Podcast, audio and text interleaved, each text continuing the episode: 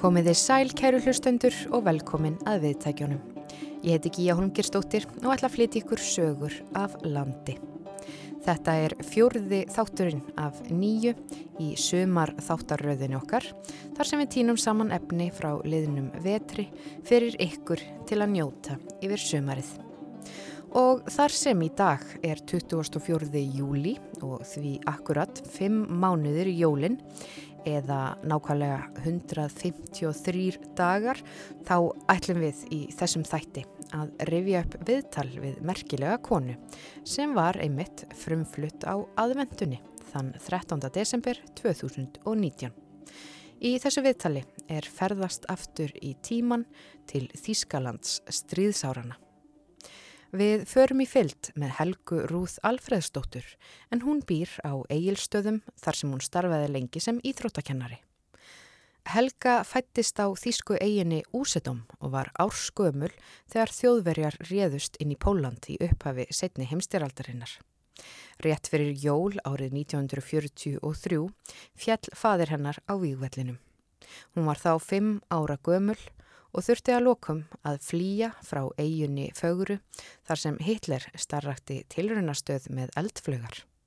Í stríðinu sprengdu breytar svo heimili þeirra í loft upp og með móður sinni og fjölskyldu þurfti Helga að finna nýheimkinni við mikinn skort í austur Þýskalandi.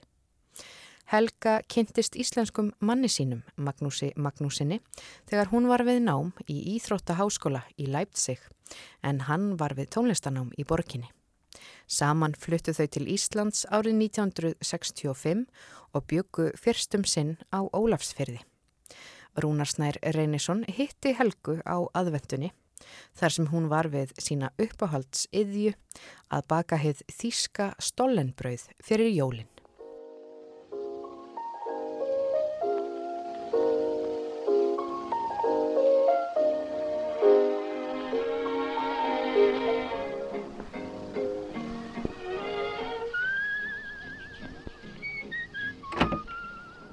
Sæl, takk til bæinn. Takk fyrir kærlega. Máli er, ég er búinn að laga halva uppskrift af deg og ég þarf að nóða núna rúsínu, sjúkat og svona í og mynda brauðið svo sett ég það í opnin á meðan við tökum viðtal og fáum okkar kaffi. Það lýst mér vel á.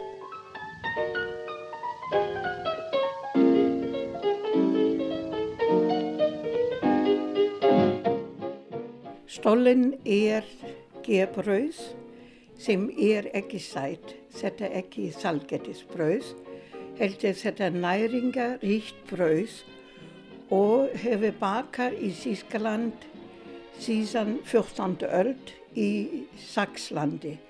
Þá hérna er heimildi fyrir. Og við teljum þetta brauð að við formi á líkast reyfabarnis og samet Jésu barnið.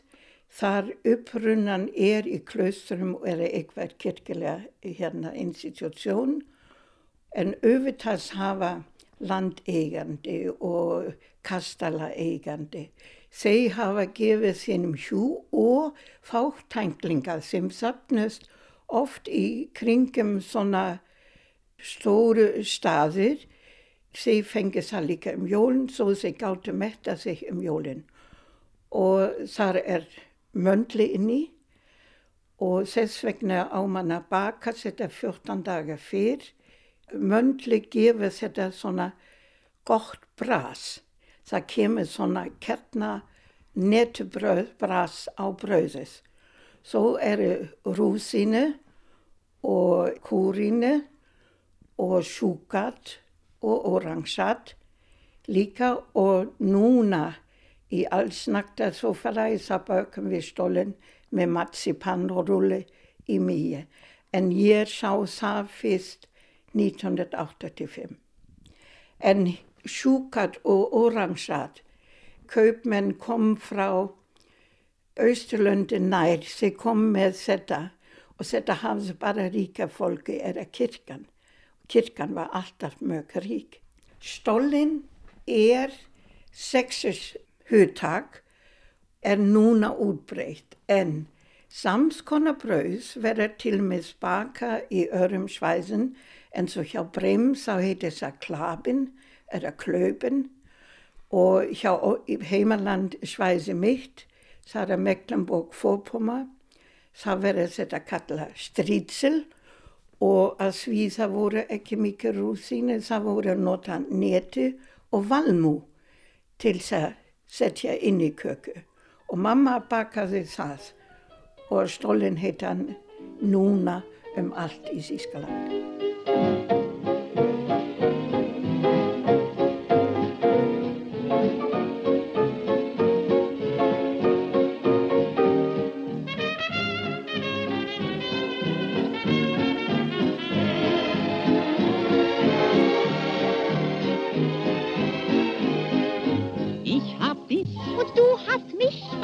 Brauchen wir noch mehr.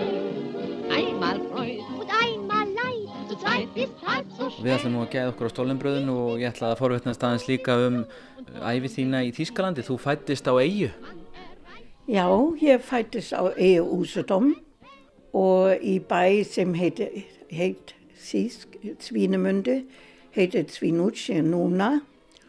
Eigan líka í ár ós frá Ódra sem er landamæra á á milli Póland og Þískland núna eftir setna heimstriöld og mín fjölskyldan við erum allir fætt í Tvínumundu pappa, mamma og afa, amma byggu þarna og við sískin líka.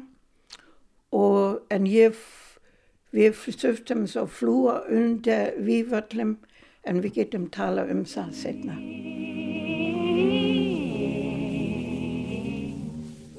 Nirgendwo auf der Welt ist ein kleines bisschen Glück.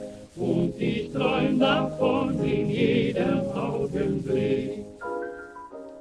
Já, ég er fætt 1938 sem sagt ár áðan stríði hefjast og ég var svo heppin þar ég bjór ekki í Stóruborg ég bjór á þessi eigi og á þessi eigi var tilraunastöð Hitlers að smíra eldflögu og pappa mín vann sem hérna byggingamestari í þessi tilraunastöð og hún var vel falin en við vorum líka tölvert afskækt að við til okkar mátti enginn komið heimsótt nema hafa leifi eða sækja um leifi. Ég hafði alveg indislega æski þarna. Við byggjum kannski 20-30 metri frá Baströnd, okkar heimili.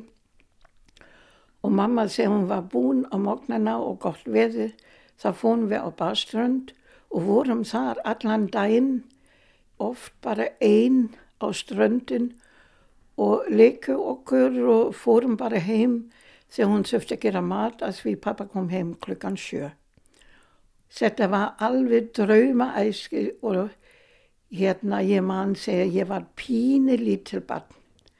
Það ég lá í rúmi mínu og það likja lítil ei sem heitir Ói og það var viti á og hann kom svona á kvöldin þegar ég að sopna með jafna mittlibíl en í stríði var hann náttúrulega ekki. Þá var slögt á og ég verði að segja uh, hérna okkar staðin Karlshagen Þetta var algjörlega eðurlagt í sprenga á rás, það var kasta fosfor og við mistum allt, allt okkar heimli brann. En það var hótel sem er búin að byggja í sama götu það sem ég átti heima. Og þegar ég var 75 ára, það tók ég mér fers og ég leiði mér svít og lág um kvöldi í rúmu og hafði á vitan. Þetta var svona til þess ég gæt slútt mína æsku, þarna á þessi eiga. Ja,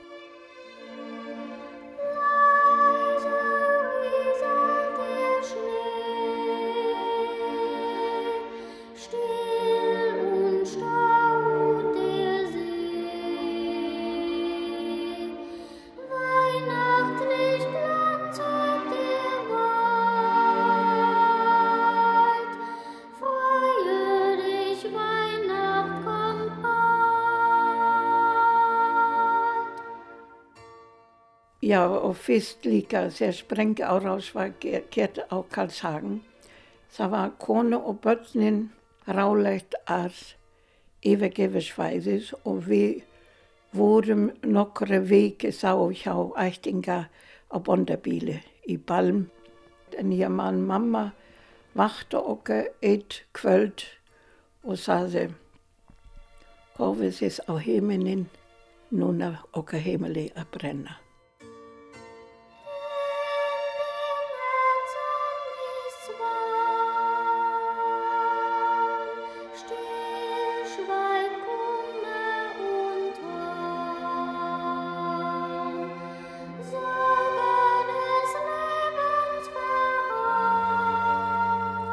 Afi minn hann var yfir slökkvistóri yfir þessi eigi og líka yfir stættín.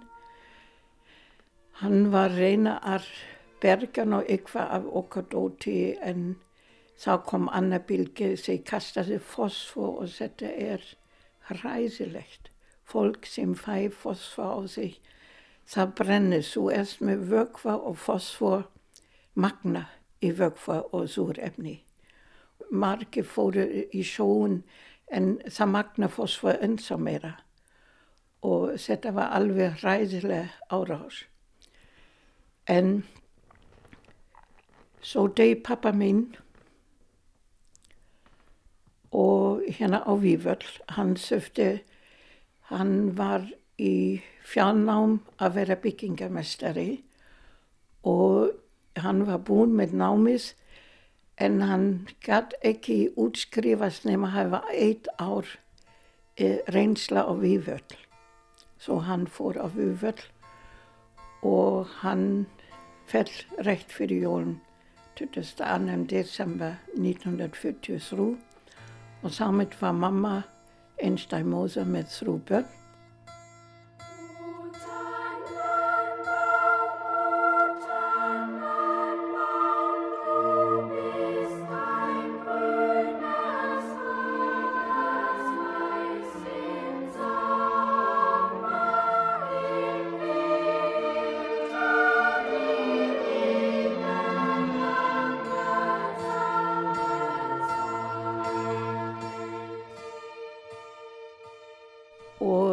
við fluttum þá í annar bæleise hjá kunningum tveiherbige. Altså vi, vi havde nok ikke nægt, og så får jeg líka í skólan.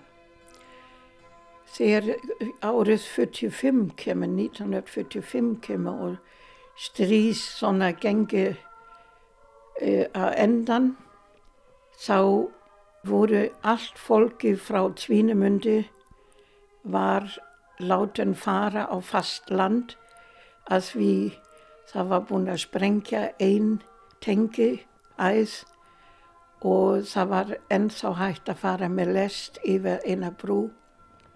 Og við fórum allir, báða ömmu mína, móðu, afi, mamma mín við þrú börnin og svo var hérna mákona mamma mín var líka með.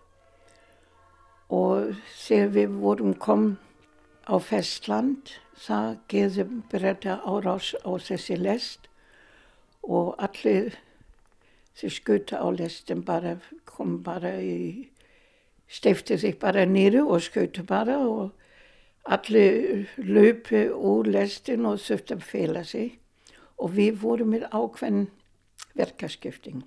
Sýstu mín var að passa bróðu mín sem var á annar ári þá. Nei, hann var þrý ári og ég að passa ömmu mín sem var blind og mamma var sá um pappa sín sem var kom næris við nýrætt og allir löpu enn þessi gáttu en ég gæti ekki löpu með ömmu. Svona ég fann bara næsta runna og við kúðum bara undir runnan, báða. Og ég fekk nokkla skömmi að því mamma var alveg frá ræsli, með ræsli, hvað hefur orðin af okkur. Og svo heldum við áfram og það sem man getur fara með lest normal yfir til Rostock og så vi ætlum fara til Visma sem sagt með framstörnundin svona átt þrem tíma núna. Við vorum heila viki. Að við við söftum alveg fara inn í land. Það var búin að sprengja þessi leste teinan þarna en við komum svo til Visma. Og í Visma þar upplif ég eiginlega eina stóru sprenga á rás við byggum 300 meter frá kirkju og breyta komu og ætla hitta kortsílu sem voru geimslina sem standa við stóru húsin við höfnin. En hérin var búin að stípla tölvett mikil að tún til hliða við Visma. Og samt voru kirkuna voru hæstu bygginga og þeir eðlaði þarna þrú kirkir algjörlega. Og líka þessi kirkir sem var okkar nálegt hún fætt tvo sprengur og það ripna allt, það flögur dittna fóra að kanum glerið hérna við vorum náttúrulega með gifslofti þetta rinda allt nýri og ég söfti passa um mig allir voru komið í kettla nema við. Og mamma var öska flýtauka og ég mann það var svona kringlaga stiga við runnum bara á rassan nýra þessi stiga að við lofþristing er svo mikil. Og þarna í kettlara vorum við æla undan tekinn senaste vikur til stríslokk Warum sieht mich nur jeder Mann so zärtlich und so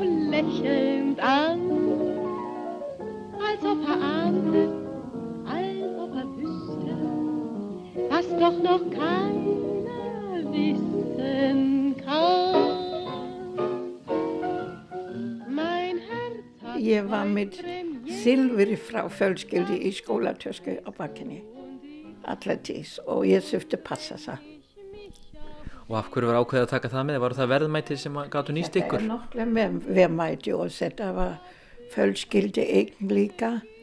Við vorum bara annars með eina tösku með fött fyrir okkur. Amma mín hérna sem sagt, Mose, pappa míns, hún gekk tveisfall 300 kilometer aftur tilbaka í gegnum veglínu og sótti nú verðmæti úr hús. En senast það var Rauða Herin kom í bæinn og hennar uh, íbúhús var öryggisónustu gebú frá Rauða Herin inni og hún söfti nota kannski blas og það einu sem hún tók með þetta voru náttúrulega skjöl sem hún tók með sem hún hafði fallin og hún fæði okkar frá eina vinkonu hún bara alltaf tvo tösku ull til þess að hafa að því hún taldi þetta væri mikilvægt til þess að hafa fyrir sínu barnabörnu. Var Rauði herrin búin að búa um sig þarna í, í húsinu þá? Já, ég meine, auðvitað voru þeir fóru þeir öll hús. Húsin voru yfirgefin. En svo þegar stríðinu líkur þá tekur við eh, erfitt tímabil, það er skortur á öllum hlutum.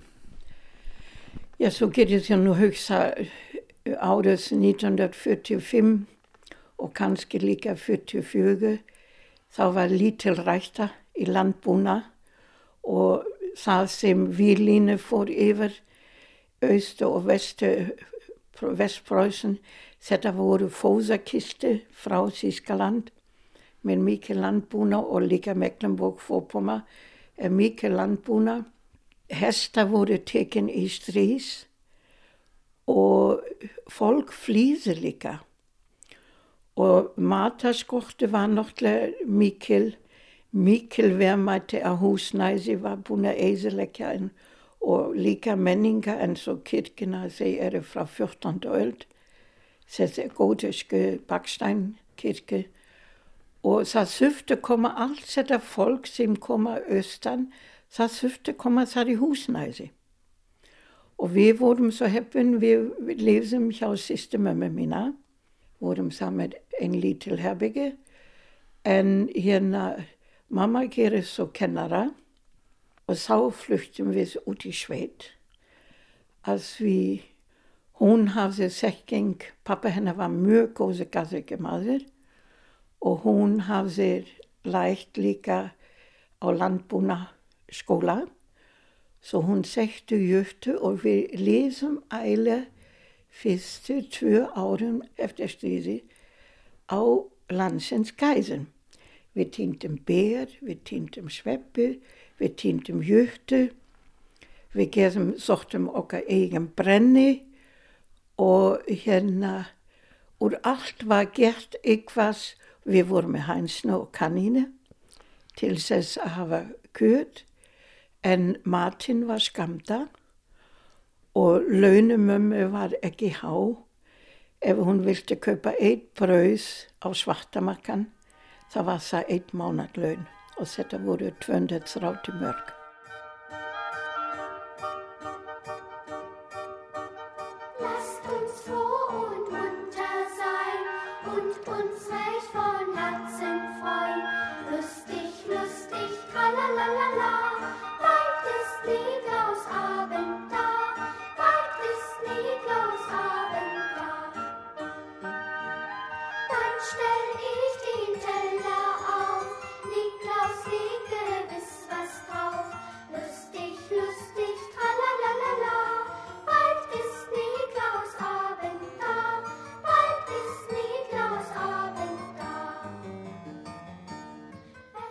En við bergum okkur. Og við læsum, hérna, ég mein, ég er þá orðin 8 ára, sýstu mín 10 ára, við sóttum brenni í sko, við fórum einn að, að eh, týna og við fórum líka á haustin þegar bændi voru búin að riðja og hiða af, af ökrum, þá fórum við að leita kartöflu, eða róum, eða hérna kott, týndi mikil að kottn að við það vil brotna af ef að það er stögg, þá fæ man hérna kottstæði og við vorum að hansræska þetta og mamma fór með í millu og við höfum þá kveiti og kottn fyrir okkar hæna. ist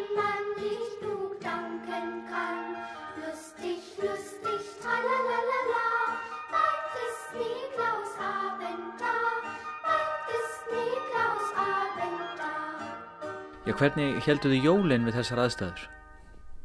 Ja, við vorum náttúrulega fyrstu jólum 1945 hjá sýstu mömmu mína en jólin voru mikil einfaldari. Man geit varla að hugsa sig sanna núna. Við fengum að vísi allir eitthvað göf.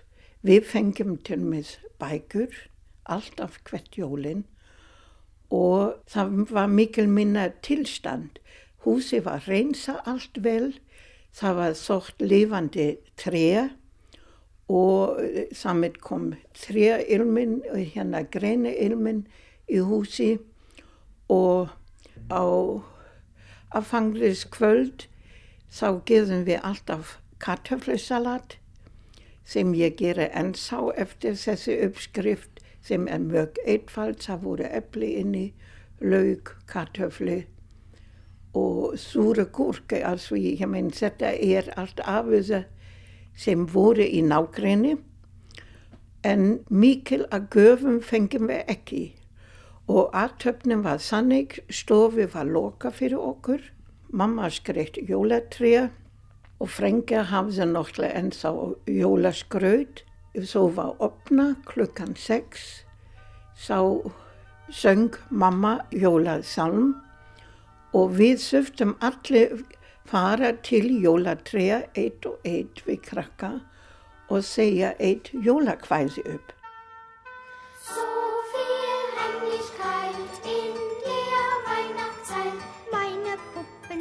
verschwunden, hab nicht mal den Bär gefunden. So viel Heimlichkeit in der Weihnachtszeit.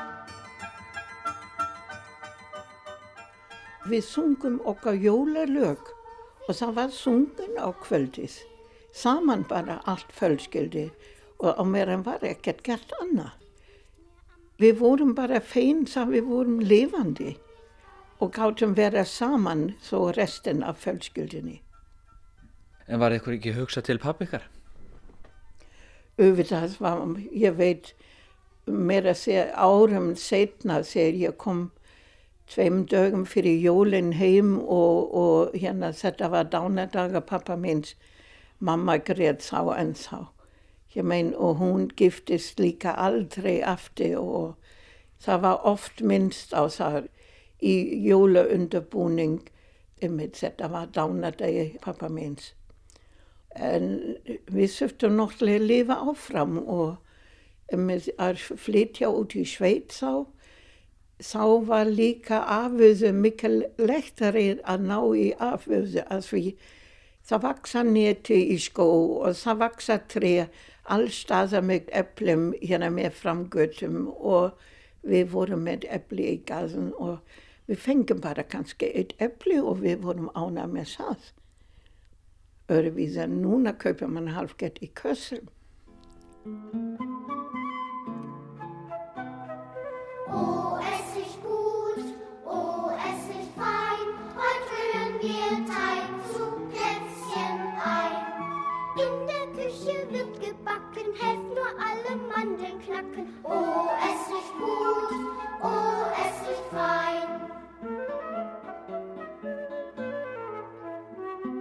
Varla hefur verið til stólinn brauð á þessum árum?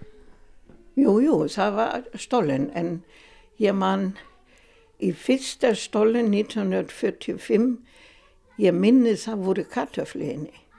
Þannig að þið hefði einhvern veginn náða að drýja stólinnbrauði með, með kartöflum.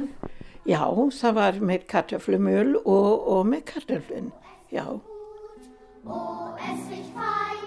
Heute rühren wir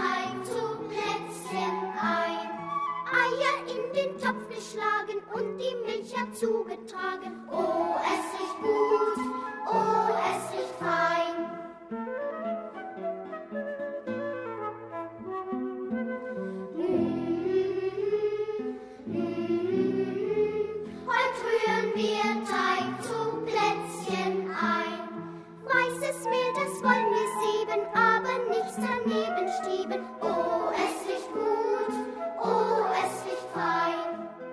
En er ekki margir áhuga samir um þetta? Hefur þú verið að miðla þinni þekkingu á þessum bakstri? Já, já, að vísi verður mann segja hver fjölskyldi hefur sín lindamál inn í kringum stólinn og það er ekki endilegt hvað er inn í stólinn heldur í hvað skrefin mann gera deg og e, þetta er í gerla, þeir þurf alltaf að lyfta sig hvað stóru og smá, er smáu skref mann tekið, þetta er lindamál, ælega. Með degi sjálft, hvernig það er útbúið? Hvernig degi er útbúið, já, það er það. Oh, es riecht fein. Man flýtir sig ekki. Man nýtir þetta að gera þetta brauð og gefa sig tíma að því degi þarf inn á milli alltaf hefja sig aftur. Þegar man nóða það, þá pressa man þetta aftur saman, slæja fel pínu lofti í. Það þarf alltaf fá reyfing á deg og það þarf að hefja sig. Og þá hefur man tíma á milli og þegar man er vel undirbúin, þá hérna hefur man líka tíma og nýtir það. O Tannenbaum, o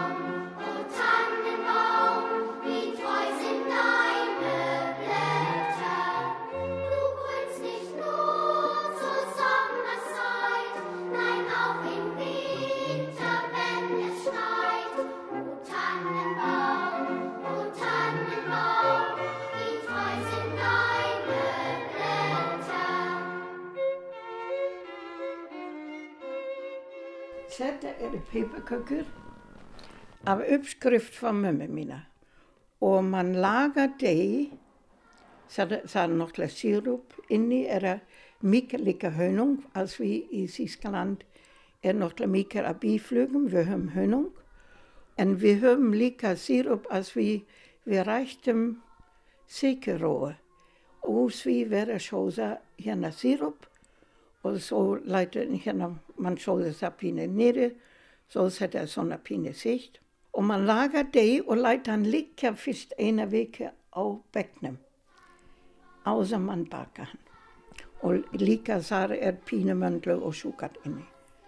En þú smakka bara. Þegar man setja rakstykki inn í kassan sem man gemur í smá tíma, þá verður þið linn.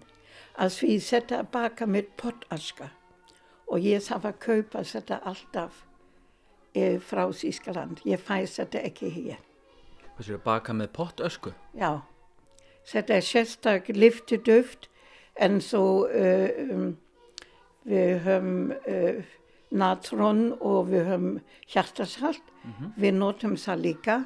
En pottaska verður að nota, ég þurfti að fletta upp ef þú vilst hafa nákvæmlega kemisk samsetning. Einmitt.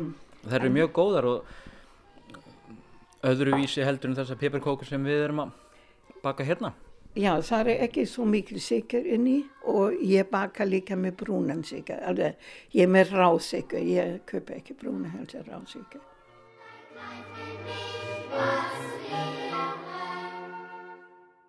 Já, ég kemur náttúrulega frá Östursískland á þessum tíma.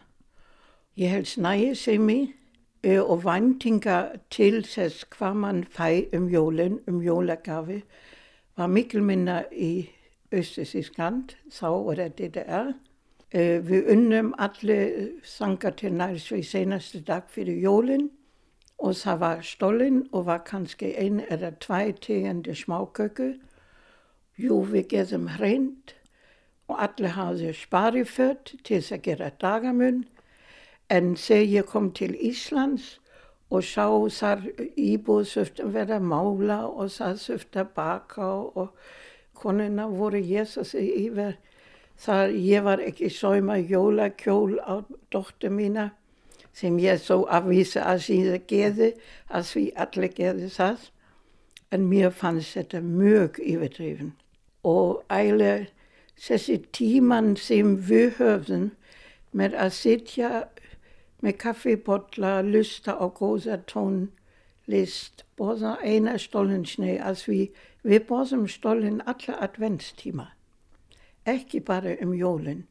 Og man þarf að líka hugsa til þess, alls næsta þófælægi, þetta er svo yfirþymandi. Og hérna, ég saknaði þegar ég kom til Íslands, netu og epli, eplalichten sem var, við bökusum alltaf epli, heita epli í opnin og ég saknaði þetta þegar ég kom til Íslands.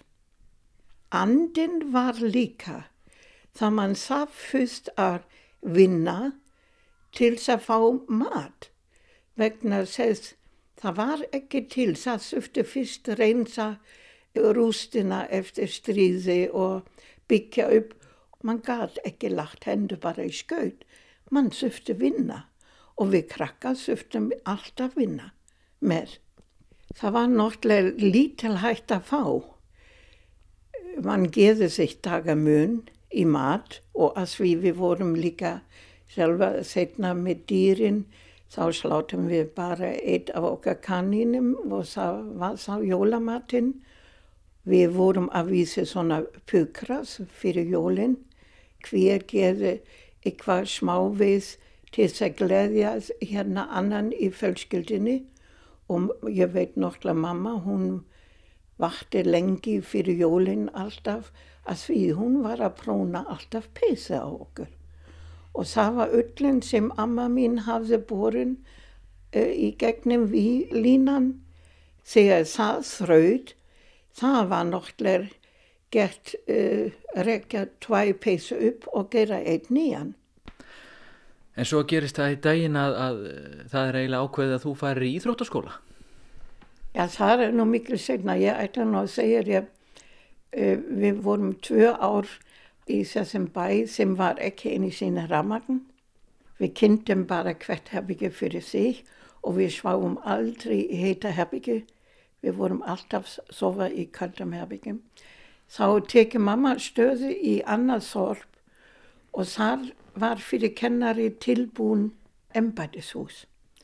það var eiginlega ein íbúr en þetta var orðin skipt líka í tvo íbúsi og það var kennslistofan og það var hlösi og það var aðstóður til að hafa bæði stórgripi en líka smá og það vorum við þá alltaf með mikið meira hæna og kanini og end og við vorum með geit til að hafa mjölk og á þessum árum uppgördist líka ég var með bergla að vísa ekki smitandi en ég var með sjálfa smittar og ég suft, við suftum fara eldri bekkuna í nágranna sorp á hvegin mognin, þrjú kilometer á mognin og þrjú aftur tilbaka og lækna lasist á móti og þá las ég heilan veti bara einn heima.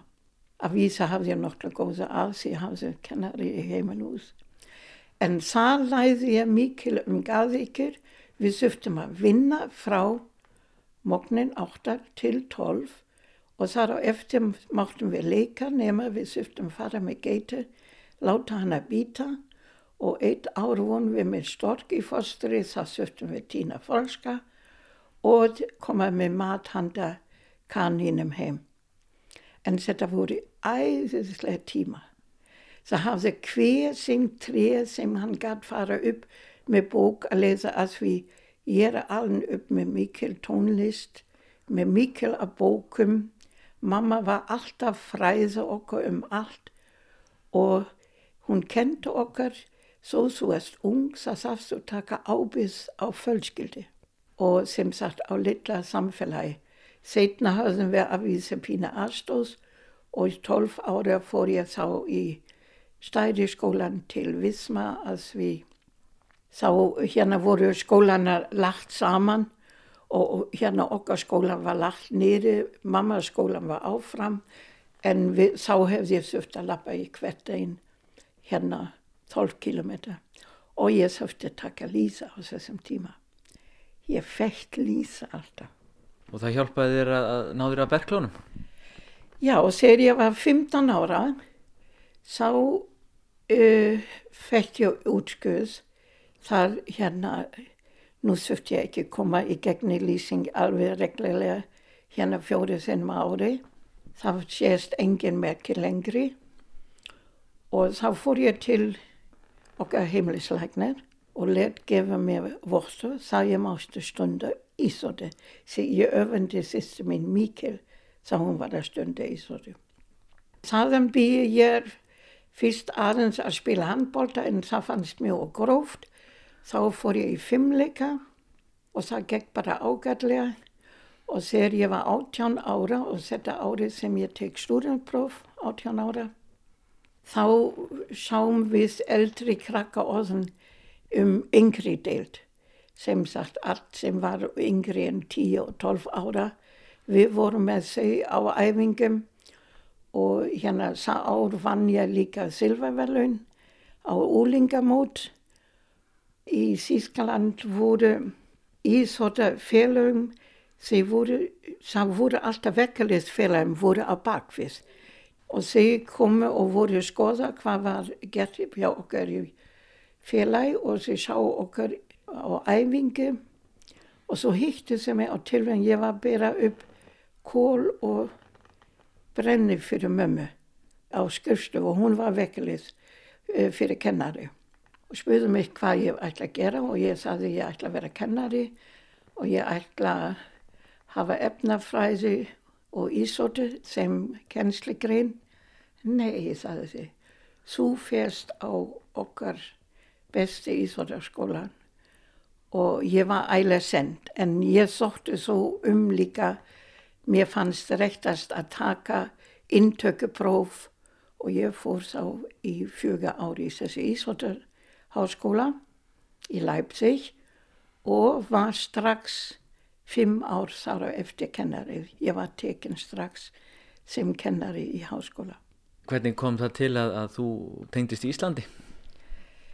Já, skulum að segja, ég er náttúrulega norræn og tel mér norræn af komandi vikanga að því á eiginni þar eru tvo sóflokkar sem hafa árif og móta þetta fólk sem býr þarna.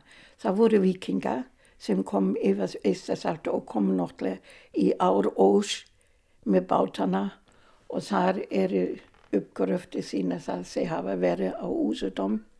En svo komið slavar líka frá Rúsland yfir og þetta blandast og ég tel þetta mjög fínt blöndu. Og já, ég var sem kennari í Ísóttaháskólan og var með heimsótt og við fórum í bíó og þá sagði einn að ég vil ekki fá okkur bjór. Og við gefum það, við fórum í Ábarskeller sem er sekt krá í Makastorg í hérna Leipzig. Faust hafa riðið þar á tunnu. Goethe hefur það sín höfmynd sem hann skrifaði fræði leikrit Faust. Og það sáttu nokkru stráka við bóð og það voru sæti laus og við settumst það. Og ég setti Ingimar Jónsson. Hann var nefandi á Ísótaháskóla þá. Og ég var búin að heyra 1952 um Haldur Lagsnið og Atomstöðun. Var búin að lesa Atomstöðun og Salka Valka og jú, jú, mann vissi hérna Draumaland Túli, það var það fyrir Norðrið og við komum svo spjalla saman og þannig kynntist ég Magnús á krá. Ég var áðan gift, ég skildi áðan, ég kynntist Magnús og við sóttum svo um að mega giftið okkur. Og við fengum það leiði en sónu mín, hann var hjá pappa sínum frá fyrir hjónaband, það var ekki hægt að taka hann með. Það hefur pappa hans ekki heldur tekið í mál og við fengum leiði, fengum leiði í júni og fórum í lok júli hérna út Östusískland og normal að við Danmark var vestrænt land þá áskilja sig allierten byró að gefa vísum. En ég vilt ekki fara til Bonn til þess að sækja um líf. Ég var allt og stolt til þess. Líka út politískan ástæðum og hérna var bara spurt er þetta konu sín? Já, takk fyrir og ég var komið til Íslands Og hérna ertu búin að kenna íþróttir og þjálfa? Jú, og ég gerði þar, ég var þalvara til 1992 og kendi til 2003. Að vísu kendi ég noch mjóföðu og borgarföðu og svona þar á eftir, en nú syndi ég bara sjálf fyrir mér, ánægum fyrir mig sjálfa. En ég, hérna, ég hjálpa fólki ennþá ef það vil læra eitthvað og spyr mig, ég er búin að koma tölvett á eldri fólki á flót, það ég getur nota þetta að flóta í vatni, að við setja einn ákveðn lífsgæsi sem man vera af þegar man hérna læri ekki að synda og líka ekki vel að synda. Og fyrir utan ég tel sund eitt ákósalega í svona grein, ég tel þetta betri en að ganga.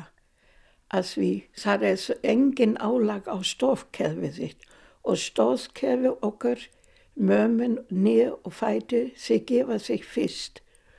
Og hérna í vatnin skipta það engin máli. Og ég er áslegt öllu eldri fólki að synda baksund að við það er engin vandamál með hérna öndin og synda skrísund að við þessi bringesundsreyfing hún er ekki góð fyrir nýr ég er með slæmið nýr vegna þess ég hef kent þetta svo lengi og það er líka ekki gott fyrir baki. En í baksund það liggja þú alveg afslappa á baki og þetta hefur gott árif á taugakerfi og náttúrulega á allt stafsemi líkamanns blóðrásun. Öndina, svo aga öndun alveg ofsalega vel til. Ég finnst þetta mjög gott. Já, ég var náttúrulega yfir 35 ára kennari Og ég man ég hefði farið í skóla hérna inni sinni var beðin að tala um stríðis og það hefði ég sagt þeim hvar verið eitt mikil í stríðstól og hvað vondi afleiðinga þetta hefði fyrir almenninga borgari og fyrir börnin. Ég gleymi stríðsárun aldrei og ég oska engum barn að upplifa það svo ég tel mig ennþá verið heppin að hafa komið í gegnum stríðsárun án þess að skadast líkamlega að upplifa svona. Og þess vegna mér finnst mannkærleika eiga og trú á eitthvað gott það á að vera ofan öllu. Og hérna við gætum kannski metta allt mannfólki svo enginn það var upplifa hungri. En það vera alltaf fólk sækjast yfir, yfir ráði, yfir annað svæði en svo tímis við hugsaum bara Úkraínu og Rúsland.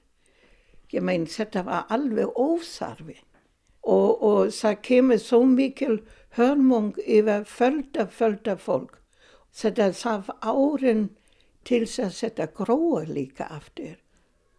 Og núna í Sýrland sem Tyrkland henni með bara svæði að því það er eitthvað fólk, heiða fólk kúrin sem síðan 1900 reyna að stopna sin egen land, alltaf verið það lofa. Þetta er frísamlega sós en að því Tyrka vilja ráða yfir þeim þá verður stopna til strís og þetta finnst mér alveg hörmulegt. Ég þakka þið kjalla fyrir spjallið og við kannski bjóðum hlustundum bara uh, gleðileg jól. Ja, jól und wir in Deutschland sagen frohe Weihnachten.